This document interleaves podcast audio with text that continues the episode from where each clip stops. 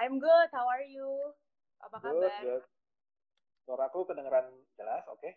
Kedengeran, kedengeran. Kayaknya udah lama banget ya Oke. dari terakhir kita pertama kali ketemu nggak sih?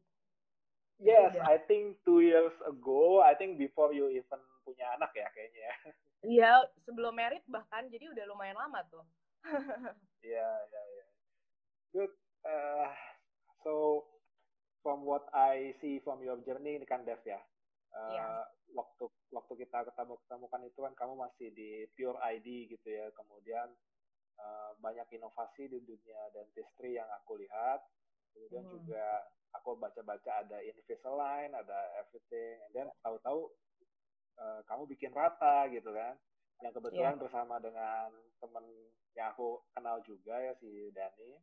Iya. Mungkin boleh kamu cerita nggak tentang perjalanan karirmu dari awalnya dentist, kemudian kepikiran bikin rata itu seperti apa? Iya, jadi um, mungkin kenalan dulu juga kali ya. Uh, aku dokter gigi di Viana, jadi uh, my background is a dentist, tapi sekarang aku full time as a chief marketing officer di Rata. Jadi seperti tadi yang uh, Junior bilang, uh, Rata itu adalah the first clear aligner uh, made in Indonesia gitu. Nah, uh, sebenarnya sih dulu waktu pertama kali kita ketemu itu um, aku udah bikin klinik juga namanya Pure Dental. Dan dari klinik tersebut malah kedapatan idenya kayak gimana sih caranya kita expand um, dental care jadi lebih uh, expandable lah. Maksudnya semua orang itu bisa merasakan benefit dari uh, teknologi yang udah maju banget sekarang. How gitu kayak uh, kita ngeliat di Amerika di negara-negara lain tuh udah bisa. Kenapa di Indonesia nggak bisa sih? Akhirnya setelah itu kayaknya few months uh, setelah ketemu lo uh, gue sempat liburan ke Amerika juga. So I learned a lot uh, from there. Akhirnya kita decide untuk ya udah kita uh, coba bawa masuk aja teknologi ke sini and start develop uh, clear aligner technology yang jauh lebih affordable. Karena kan kalau misalnya brand lain yang dari US itu harganya udah kayak 70 jutaan gitu kan and I don't think everyone in Indonesia bisa apa ya bisa afford dan mereka juga pasti nggak tahu itu apaan sih sebenarnya kayak gitu Uh, terus tadi uh, kamu juga sempat mention ada temen lo yang ikutan di Rata. Jadi Rata sendiri itu ada empat co-founder. Jadi um, aku sama suami aku yang backgroundnya dokter gigi. Satu lagi Dani, um, dia dulunya di Gojek bagian um, business uh, strategy. Jadi dia uh, tahulah gimana cara startup uh, untuk melakukan strategi dan segala macamnya. Dan yang terakhir ada Jason, uh, dia backgroundnya dari venture capital, jadi dia lebih megang finance. Karena jujur aja gue dokter gigi nyemplung di dunia startup juga kayak banyak banget yang harus dipelajarin dan I feel like um, satu setengah tahun ini gue kayak belajar S2 lagi sih S2 nya tapi sistem SKS yang super cepet gitu. Jadi um, lumayan challenging dan pastinya nggak di atas terus, pasti ada di bawahnya juga. Apalagi dengan adanya COVID kayak gini kan, kita harus nge-push gimana caranya sih kita bisa pivot supaya bisnisnya tetap jalan gitu. Itu. I see, interesting, interesting. Nanti Iya. kita akan ngobrol lebih dalam tentang rata, tentang eh, gimana dinamikanya. Tapi pertama-tama kita pengen tahu dulu nih, Dev. Gue pengen tahu, kira-kira Hmm. eh, kalau kalau gue kan orang awam nih, let's say gue orang awam ya. Eh, Mhm. I don't know anything about dentistry gitu ya. Terus kalau yang gue tahu sih, kalau orang ke dokter gigi, kalau ya oke lah kalau orang yang udah mulai sadar akan kesehatan gigi dia ke dokter gigi Iya. secara rutin untuk untuk pemeriksaan segala macam tapi kan kebanyakan I think orang Indonesia ke dokter gigi ketika ada masalah gitu kan ketika Benar, ada benar. masalah nah itu bisa itu tahu mungkin bolong atau atau Ya. giginya nggak rata terus dia pengen betulin nah jadi kayaknya tuh baru ada masalah baru dia ke dokter gigi gitu kan nah kalau lu Ya. ngeliatnya gimana tuh apakah itu mempengaruhi strategi kalian oh gue mau jemput bola nih atau atau Ah. pasif aja deh tunggu ya kayak gitu Ya, itu uh, Gimana? interesting question. Jadi, menurut gue sendiri ya, di Indonesia itu kesadaran tentang kesehatan giginya masih belum jauh banget lah dibandingkan negara-negara yang udah lebih maju ya. Jadi, itu sebenarnya sebagai tugas dari rata juga sih. Maksudnya tugasnya bukan hanya supaya buat sales kita tinggi, enggak. Tapi untuk membuat orang-orang Indonesia lebih sadar akan pentingnya kesehatan gigi dan mulut gitu. Karena mungkin di luar negeri itu udah tercover insurance, jadi mereka lebih perhatiin Cuman di Indonesia kan belum semua tindakan bisa di cover sama asuransi lah ya. BPJS bisa, tapi ya orang tuh stigmanya udah mikirnya dokter gigi mahal dan sakit gitu. Jadi udah males duluan. Nah, gimana caranya kita mengubah persepsi kalau ke dokter gigi tuh sebenarnya um, buat aset kesehatan kalian loh gitu. Jadi um, itu sih yang PR gede gue, uh, apalagi sebagai CMO ya, untuk bantu uh, mengedukasi masyarakat di Indonesia kalau ke dokter gigi tuh nggak perlu takut duluan, ngobrol-ngobrol dulu aja. Terus toh dengan teknologi sekarang yang udah maju nggak akan kayak zaman dulu kok yang sakit banget dan segala macam kayak gitu. Jadi mungkin kalau lihat brandingnya rata, lebih yang approachable, nggak terlalu kelihatan dokter banget lah. Kira-kira sih kayak gitu sih. I see, I see. Mm -hmm. Nah itu kalau kalau yang gue tahu juga ya, misalnya pengalaman dari orang yang gue kenal lah. Misalnya dia uh, kan biasanya tuh pas udah mulai ganti gigi permanen tuh ya kayaknya waktu SMP kali ya kalau buat cewek ya terutama ya mm. kan mulai giginya aduh kok nggak pede gitu kan kayak mungkin nggak kata atau gimana uh, terus kemudian orang tuanya dia bekalin dengan dengan apa ya udah kamu ini aja dibawa ke dentist terus dipasangin behel gitu kan nah sebenarnya itu yang lu targetin atau lu targetin yang sesudahnya Dev kayak misalnya orang yang berduit udah punya duit sendiri uh, dengan dengan uangnya sendiri dia pakai ke rata gitu. Oke, okay. jadi pastinya kalau dilihat seperti itu, balik lagi nih ada juga beberapa orang tua yang ternyata nggak terlalu memperhatikan kesehatan gigi dan mulut anak. Malah anaknya yang udah melek banget karena sekarang kan social media udah pakai banget dong. Jadi bisa aja anaknya yang lebih rajin ngecek-ngecek sosmed, terus ngeliat, ma temen aku aja pakai ini loh, misalnya ya pakai behel, terus atau pakai rata atau misalnya pakai skincare ini kadang tuh malah yang lebih muda yang lebih tingkat awarenessnya jauh lebih tinggi gitu tapi gimana caranya mereka bisa convince parentsnya mereka gitu jadi dari segi marketing pun kita harus tetap uh, apa ya uh, terlihat terper, ya harus terpercaya. Maksudnya kayak uh, kita ada before after jadi kelihatan hasilnya dan kita juga ada tim dokter. Jadi kalau parentsnya mau bawa anak-anak tersebut ngobrol dengan dokter juga bisa gitu. Jadi um, kita sih sebenarnya targetinnya dari umur 15 tahun ke atas. Karena rata sendiri bisa dipakai kalau gigi kamu udah permanen semua gitu. Jadi yang di bawah umur uh, giginya masih ada gigi susu belum kita anjurkan. Jadi tunggu giginya semua gigi tetap dulu gitu. Jadi um, balik lagi sih tergantung ya. Maksudnya uh, pas aku terjun ke bisnis ini aku baru sadar ternyata tuh demografi di Jakarta aja tuh tipe orangnya beda-beda dari Jakarta Pusat, Jakarta Utara, Jakarta Selatan itu beda-beda banget. Jadi um, kita juga harus pinter-pinter ngelihat uh, kita cara edukasinya gimana sih.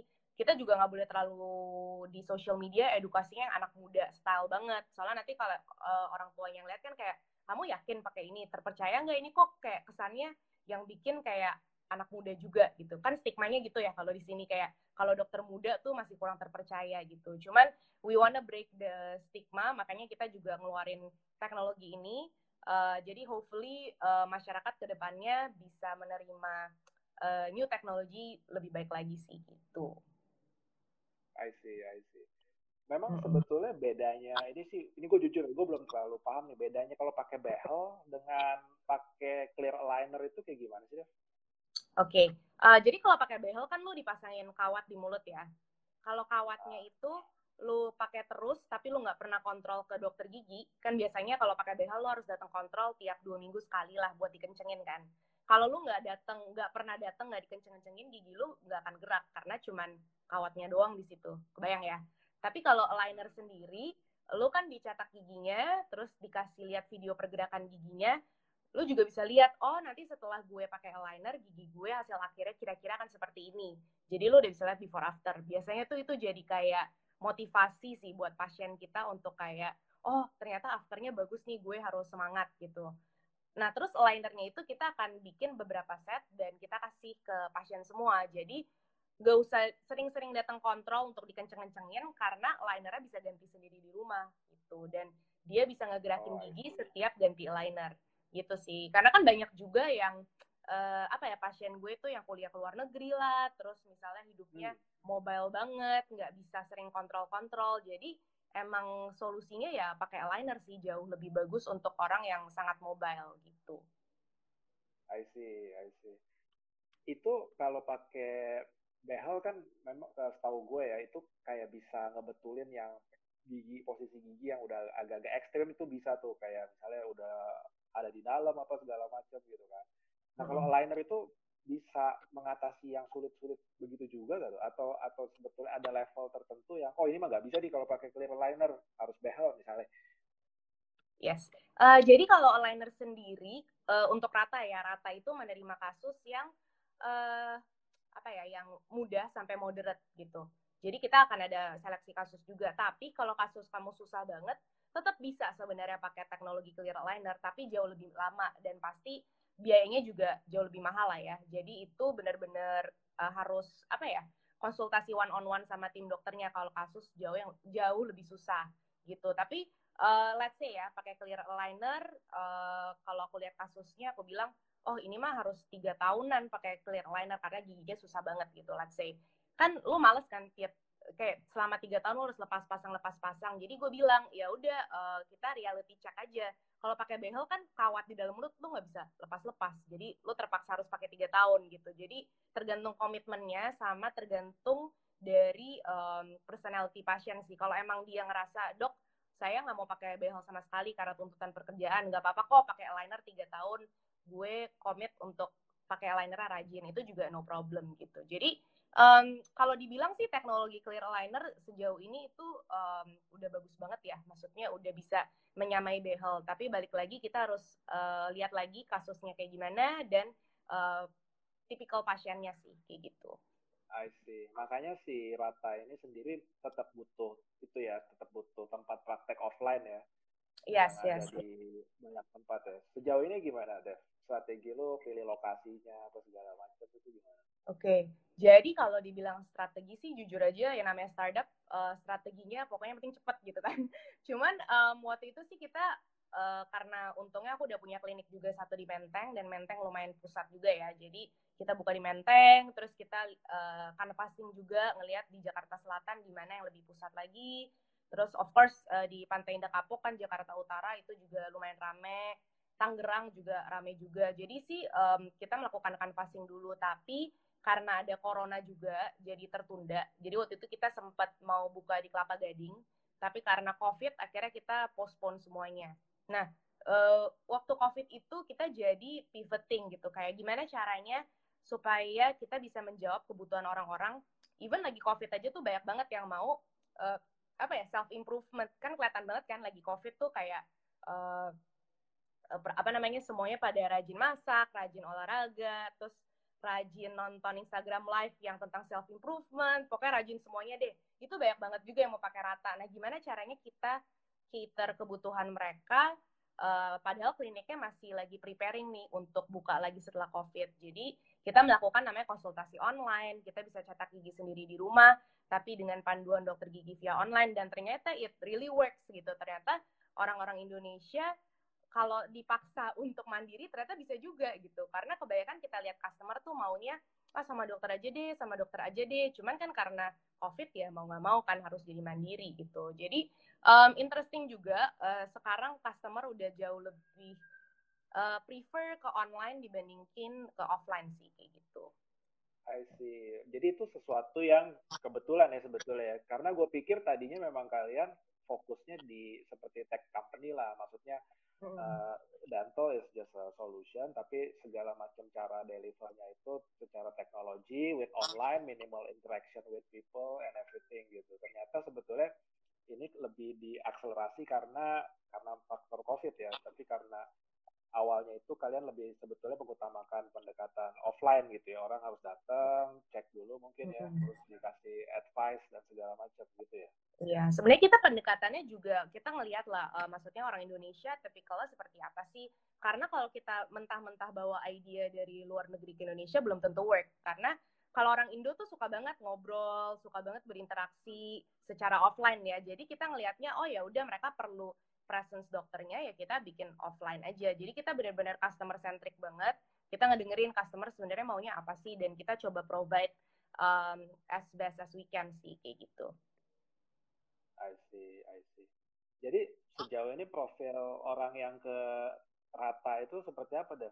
Apakah mereka itu millennials, ataukah mereka itu justru malah teenagers? Oke, okay. beragam dari milenial sampai Gen Z, sampai mama-mamanya sekeluarga juga ada. Jadi um, balik lagi tuh tadi yang gue bilang interesting, daerah Jakarta tuh meskipun di Jakarta aja itu beda-beda banget loh tipe orangnya. Kayak Jakarta Utara itu pasti sekeluarga yang datang. Kalau Jakarta Selatan itu um, kebanyakan orang kantoran sama uh, pegawai negeri.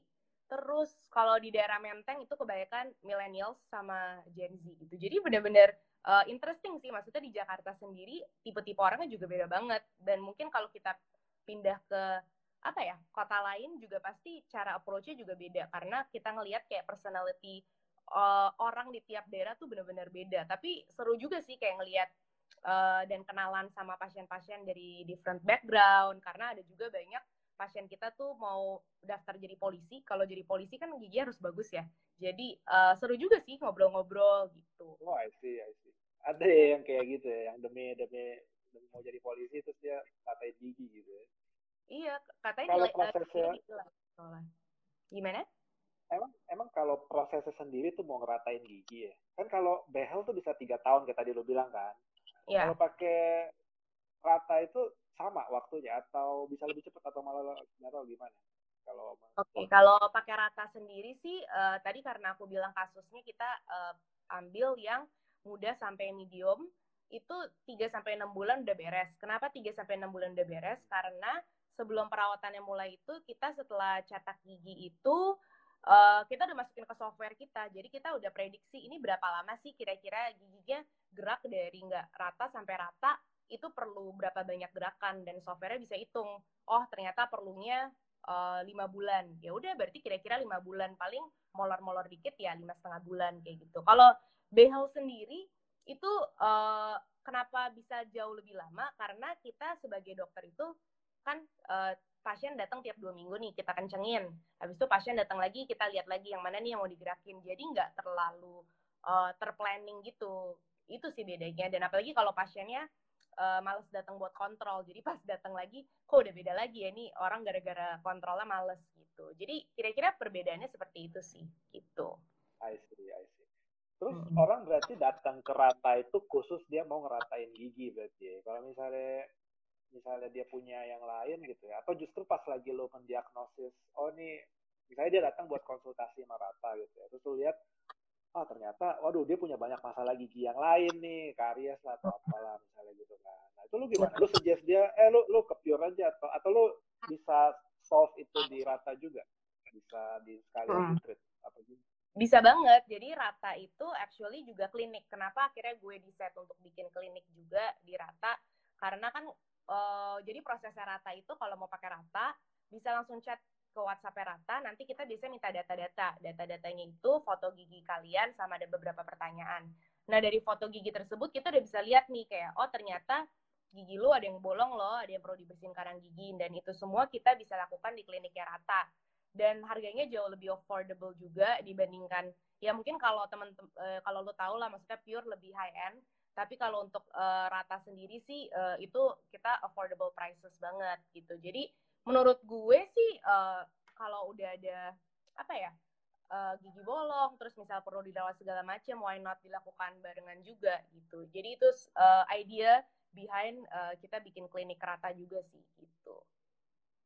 I see, I see. Mm -hmm kalau lu lihat sendiri ya masalah umum apa sih yang dialami oleh orang-orang Indo ya meskipun tadi lu bilang kan ada banyak sekali bahkan untuk Jakarta sendiri behaviornya behaviornya beda banget kan ke antara Jakarta hmm. Utara dan segala macamnya tapi segala, tapi secara umum ya yang lu lihat masalah gigi apa yang paling umum dialami oleh orang Indonesia ya Oke, okay. oh keren gue masalah umum. Kalau masalah umum apa ya? Kalau masalah gigi, biasanya uh, apa ya masalah gigi itu kebanyakan ya pastinya gigi bolong sih itu udah banyak banget. Um, let's say ya dari 10 pasien yang gue ketemu pasti 8 orang kalau kontrol ke gue ada aja gigi yang bolong gitu. Jadi uh, emang masih belum ada kesadaran untuk kontrol ke dokter gigi setiap 3 sampai 6 bulan gitu. Jadi uh, itu sih PR dari tim Rata juga untuk nggak uh, capek-capek edukasi semua orang kalau kontrol ke dokter gigi itu penting banget. Kenapa penting? Karena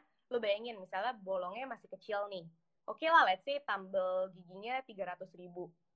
Masih jauh lebih murah kan? Kalau lu tunda-tunda sampai akhirnya sakit banget dan lebih ribet lagi perawatannya itu bisa 10 kali lipat harganya gitu. Kalau ditanya kenapa mahal banget dok, uh, ya karena si kumannya udah sampai dalam banget dan pasti perlunya perawatan yang ekstensif banget gitu. Let's say kayak kita udah umur 25 ke atas sering cek darah, kan cek darah nggak seberapa. Kalau tiba-tiba kita udah kolesterol, itu biayanya jauh lebih mahal lagi gitu. Jadi itu yang benar-benar menurut aku sih uh, orang Indonesia secara keseluruhan sih masih belum terlalu melek dengan uh, hal ini gitu. Kecuali mungkin di keluarganya ada dokter gigi ya, itu beda lagi. Cuman uh, makanya nih kayak ini tugasnya kita untuk mengedukasi orang untuk lebih memperhatikan kesehatan gigi dan mulut gitu kalau kan tadi lu bilang 8 dari 10 orang ada masalah di gigi bolong. Kalau yang hmm. giginya nggak rata gimana, Dev? Berapa banyak orang yang orang Indo yang punya masalah gigi nggak rata atau secara struktur dia nggak dia harus diperbaiki lah gitu?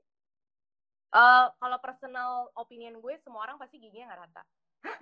Karena uh, mungkin kalau lu lihat gigi gue ya, gigi gue tuh gue nggak pernah pakai behel, mungkin kelihatannya rata aja, tapi ada aja yang nggak rata. Gigi bawah gue tuh masih kurang rata.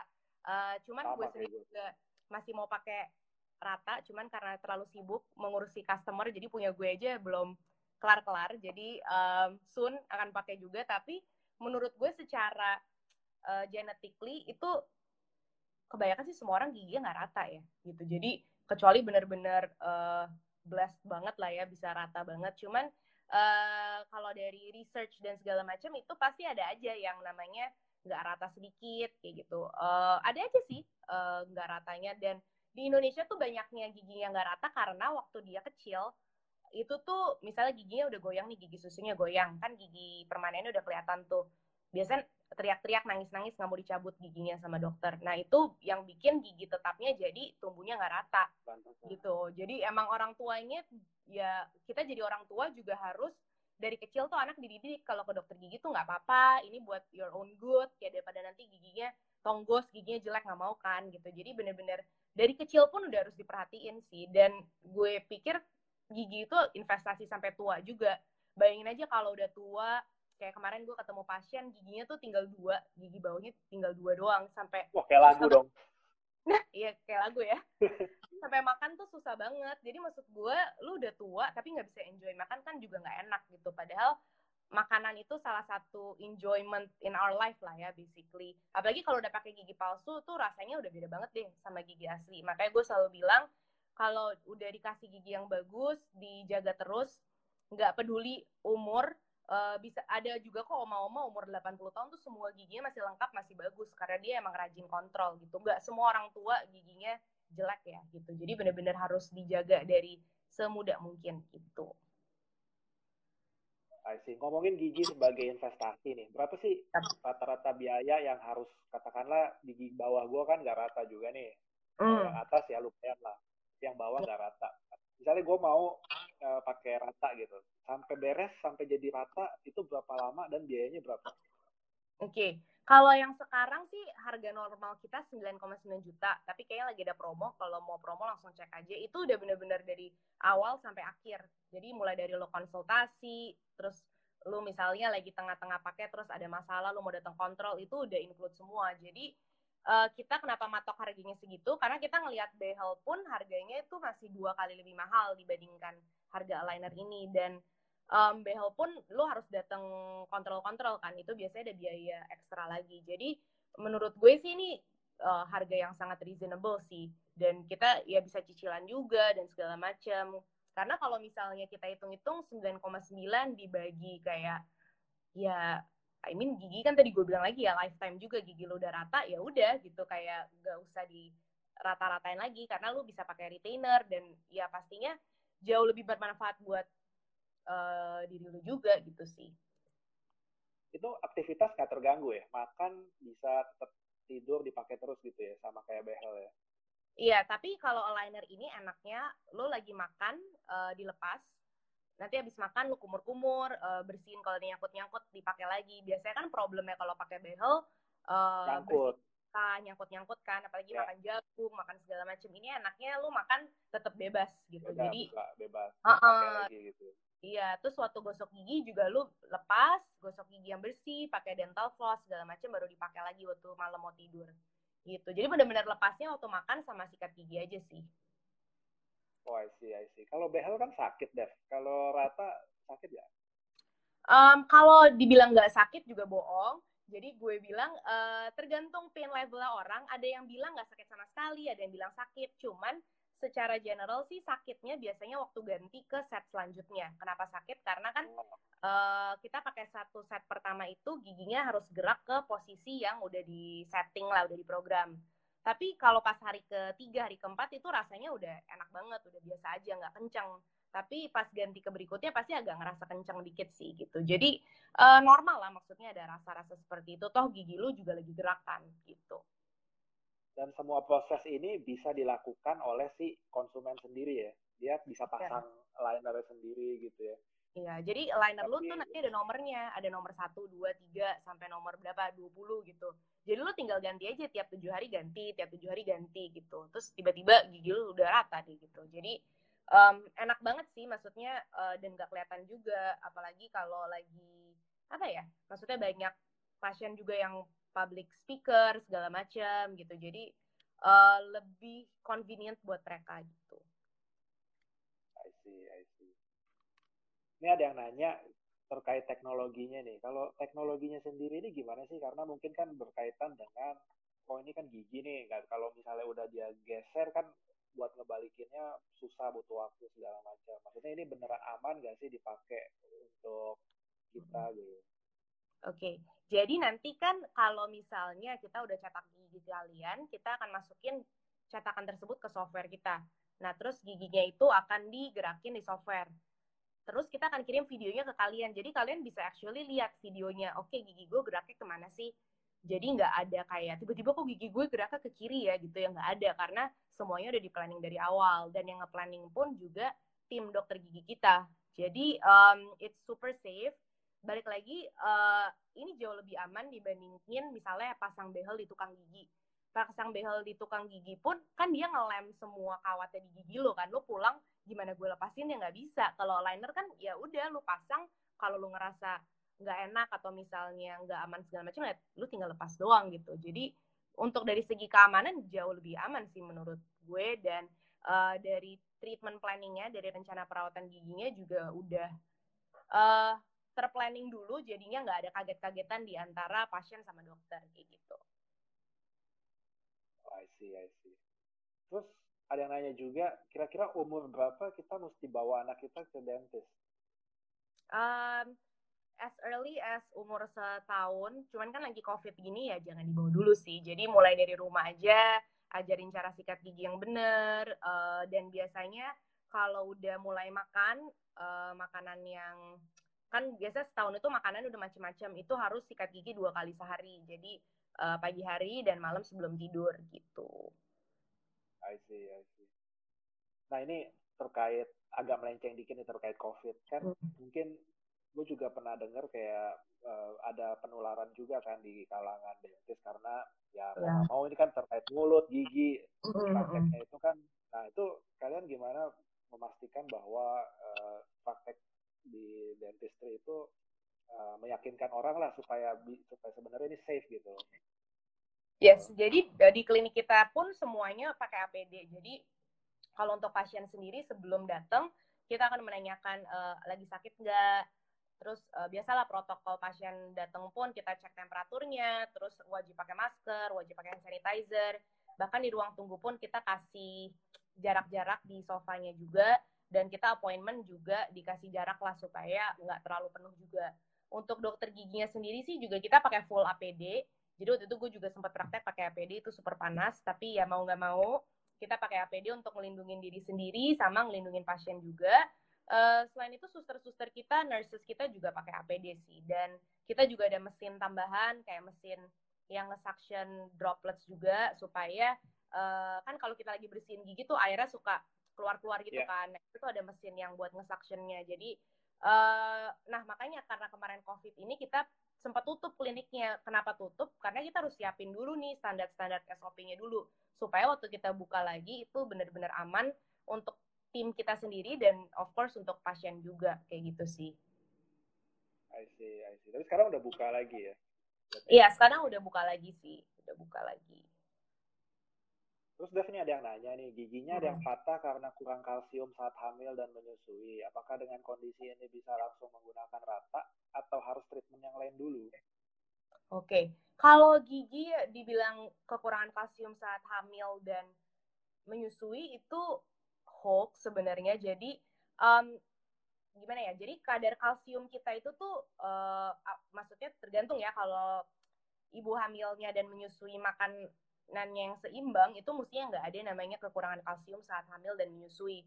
Kenapa? Karena janin sendiri tuh ngambilnya nggak sebanyak itu, apalagi kalsium apa ya kalsium orang dewasa itu banyak banget loh. Maksudnya uh, kadarnya kalau kita makan yang bagus segala macam. Jadi nggak mungkin kalsium yang sudah terbentuk berapa puluh tahun di tubuh kita sebagai orang dewasa kesak sama anak-anak sampai giginya jadi rapuh itu uh, hoax. Aku juga udah pernah baca ada jurnalnya jadi mungkin aja patah karena emang dulu sebelum hamil nggak merawat gigi dengan bagus juga gitu. Jadi keadaan gigi dan mulut waktu lagi hamil dan menyusui juga pasti ada perubahan hormon kan. Makanya itu uh, play part juga di kesehatan gigi kalau kalian sebelum hamil tuh nggak menjaga kesehatan gigi. Anyways, yang patah itu juga bisa ditambal, jadi cek aja ke tim dokter. Setelah ditambal, uh, baru bisa pakai rata kayak gitu. I see, I see.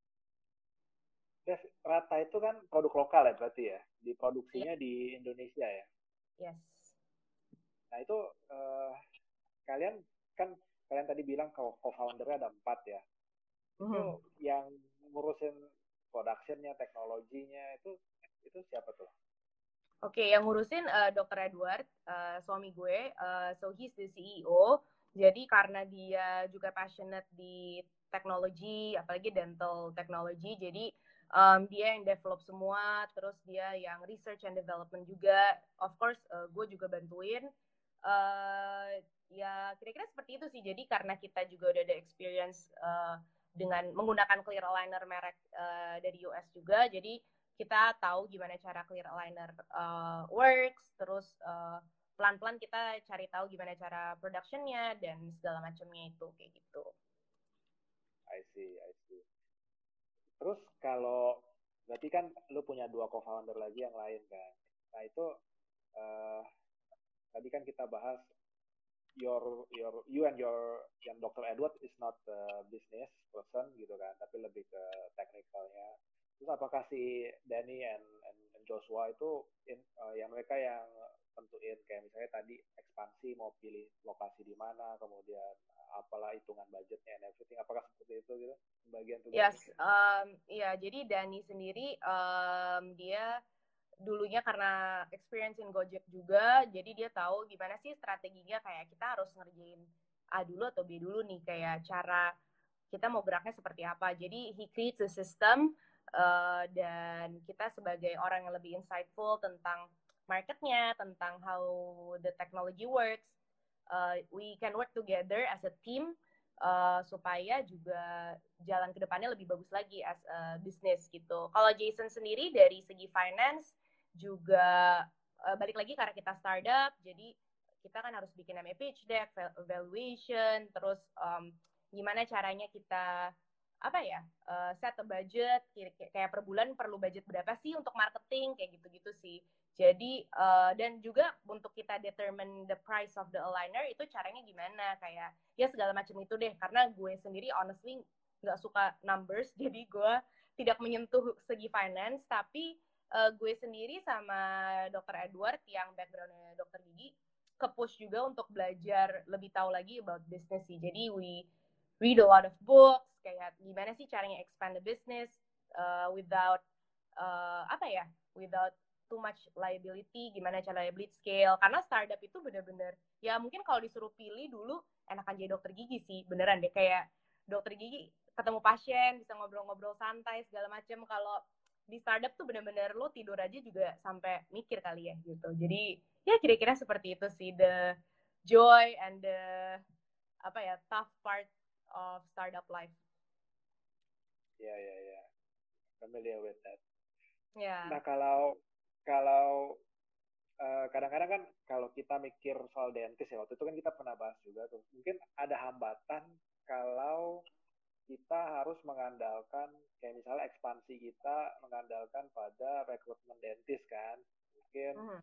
kalau kita baru bisa punya 100 cabang kalau harus merekrut 100 dentist. Mungkin kan ada hambatan di situ tuh. Yep. Apakah itu uh, kalian ada cara supaya tetap bisa ekspansi nantinya tanpa harus uh, merekrut dentist sebanyak itu gitu atau atau kayak gimana?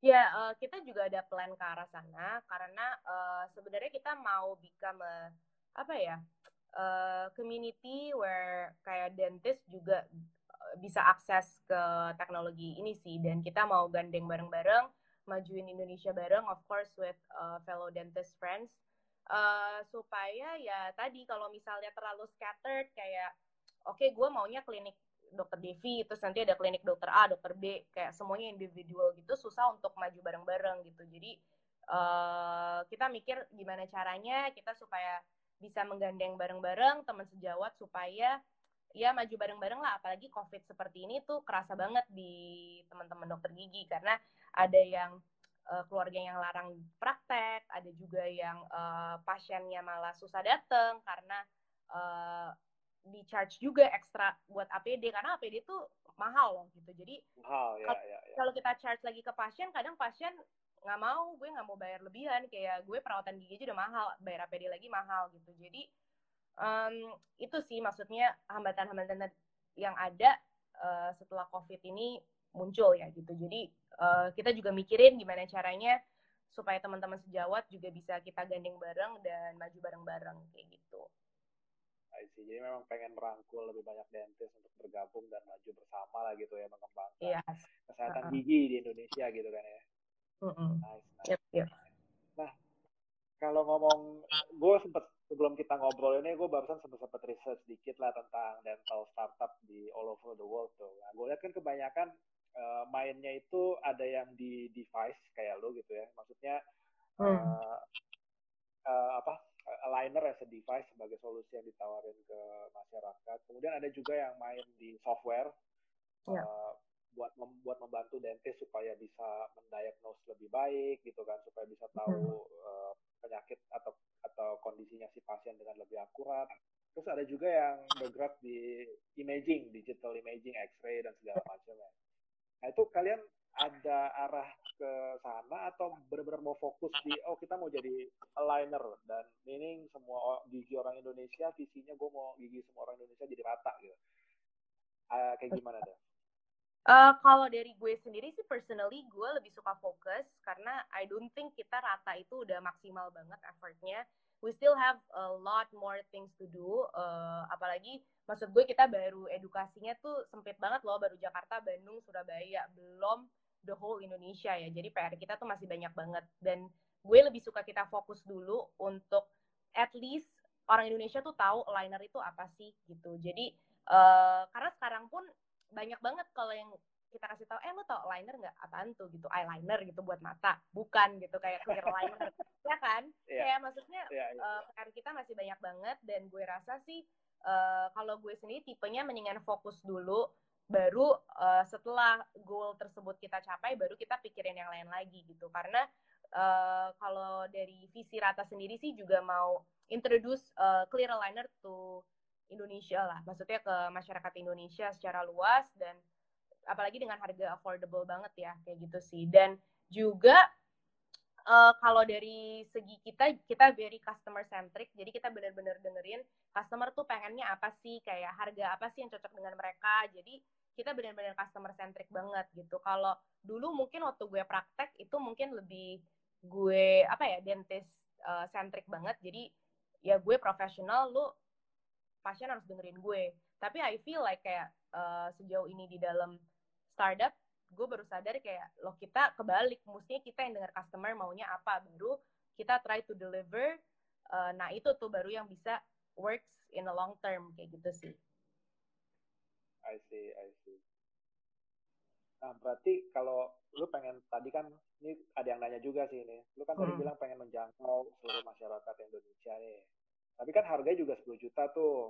Mungkin hmm. untuk I don't know, maybe socio-economic kelas A or B bisa lah, oke. Okay. Tapi I don't think yang C itu masuk dalam jangkauan lo kan. Maksud gua yep, uh, yep. apakah yeah. Uh, jadi uh, A ya. B saja gitu.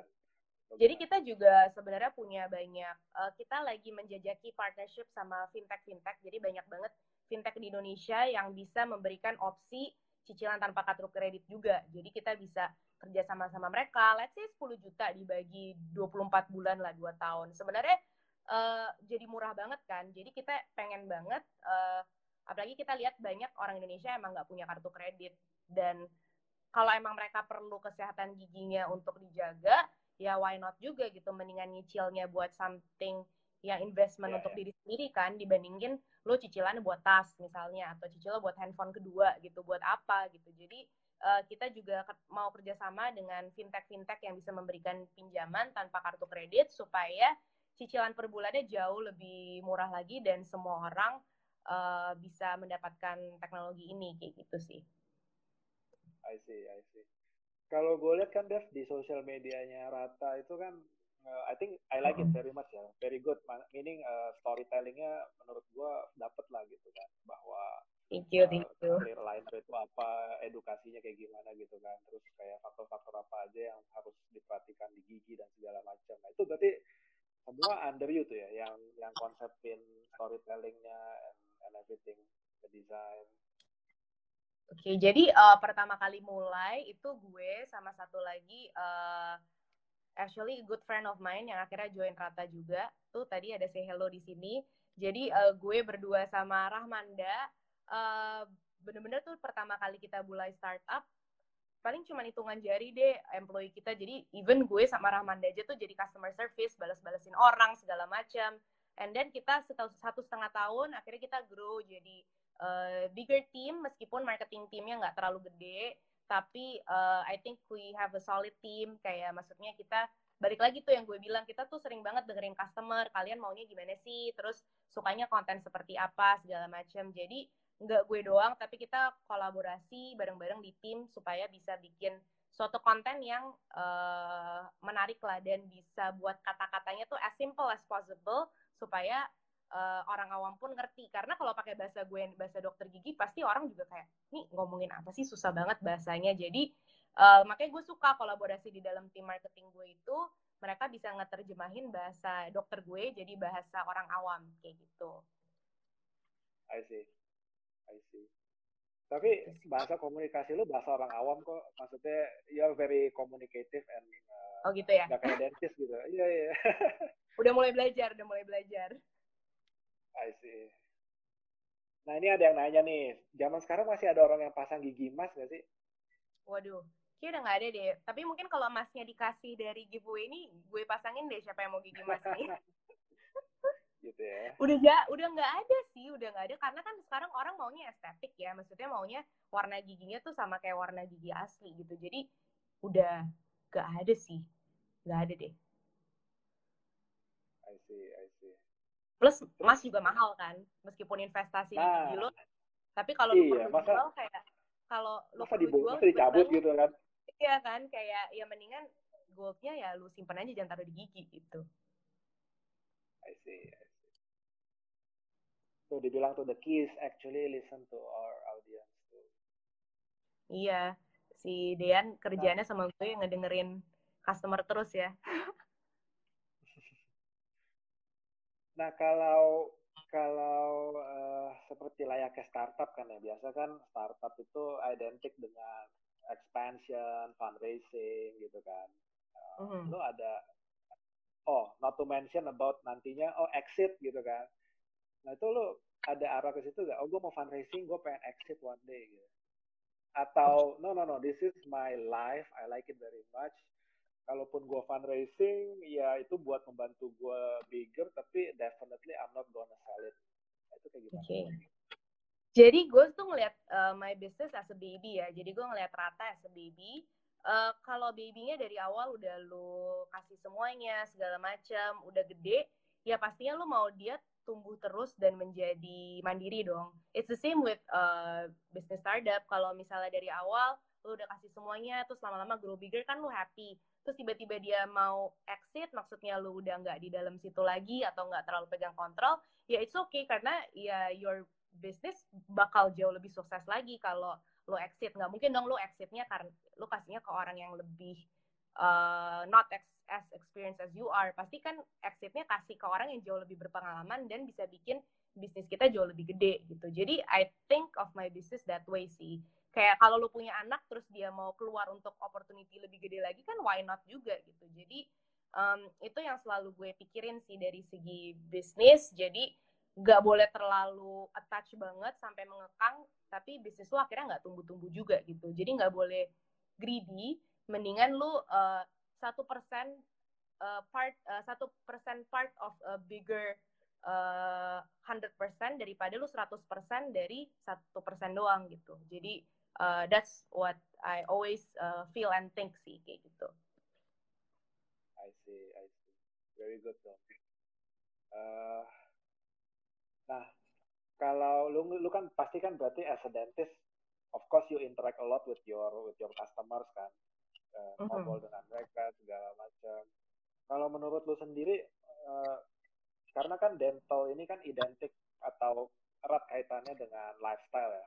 Maksudnya yeah. people set set their set their money itu buat certain things kan. Ada yang uh, alokasi buat uh, yang of course definitely buat kebutuhan sehari-harinya dulu kebutuhan pokok sehari-hari, kemudian bayar tagihan-tagihan dan segala macam. And then everything. Kemudian dia set aside buat uh, secondary or tertiary needs. Kayak contohnya tas lah tadi lu bilang elektronik kemudian jalan-jalan. Yeah. uh, I think juga dental sometimes uh, kalau yang kalau dia ada sakit gigi dia kebutuhan pokok. Tapi kalau kalau lagi buat uh, hmm. maybe kalau untuk ratain gigi dia masuknya kebutuhan secondary or, or I don't know maybe tertiary gitu ya Nah ini kalau lu lihat sendiri, kalau dari customer-customer yang lu yang lu uh, jadi klien gitu ya, itu kira-kira pola habit uh, money money managementnya itu uh, seperti apa? Dan apakah menurut lo uh, mereka itu udah aware? Oh gue mesti set aside my money sebagian buat benerin gigi atau lu mesti kadang-kadang lu edukasi juga tuh, lu perlu kali actually uh, ini gigi penting kali buat buat masa depan lo juga karena kan kalau lo makin pede itu akan meningkatkan karir atau ya seperti itulah penampilan kepercayaan yeah. diri ya kan. Ya, jadi um, setelah kita bikin more education on Instagram, itu banyak banget customer kita yang akhirnya sadar kayak, oh ya teman gue aja ngeratain gigi kayak, kok gue belum ya, kok gue nggak perhatiin gigi gue sendiri ya. Jadi uh, mungkin karena sekarang semuanya itu social media jadi kalau ada satu orang yang uh, melakukan hal tersebut atau as simple as makan itu atau ngerjain challenge ini semua orang tuh pasti akan kayak oh dia aja ngelakuin ini dan I think it's good kayak kenapa gue nggak ngerjain juga ya. Jadi uh, itu mungkin fall between primary and secondary needs Um, cuman that makes me happy. Kenapa? Karena mereka jadi melek tentang kesehatan gigi mereka gitu sih. Makanya mungkin kalau lihat Instagram Rata itu jauh lebih ke lifestyle.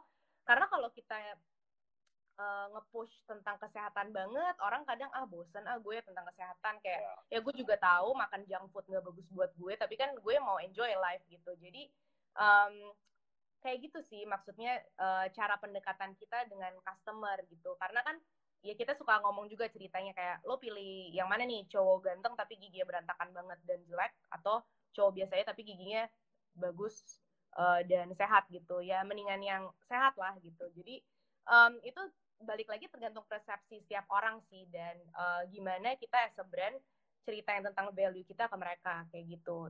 Dan mungkin kalau sekarang juga masih belum banyak yang melek tentang kayak insurance, investment gitu. Padahal sebenarnya bisa di breakdown misalnya, oh ya udah gue set aside a budget buat dental treatment gue setiap tiga bulan, toh tiap tiga bulan doang. Mungkin bulan ketiga gue korbanin deh jatah liburan gue masukin ke budget dental itu juga bisa sebenarnya kayak gitu.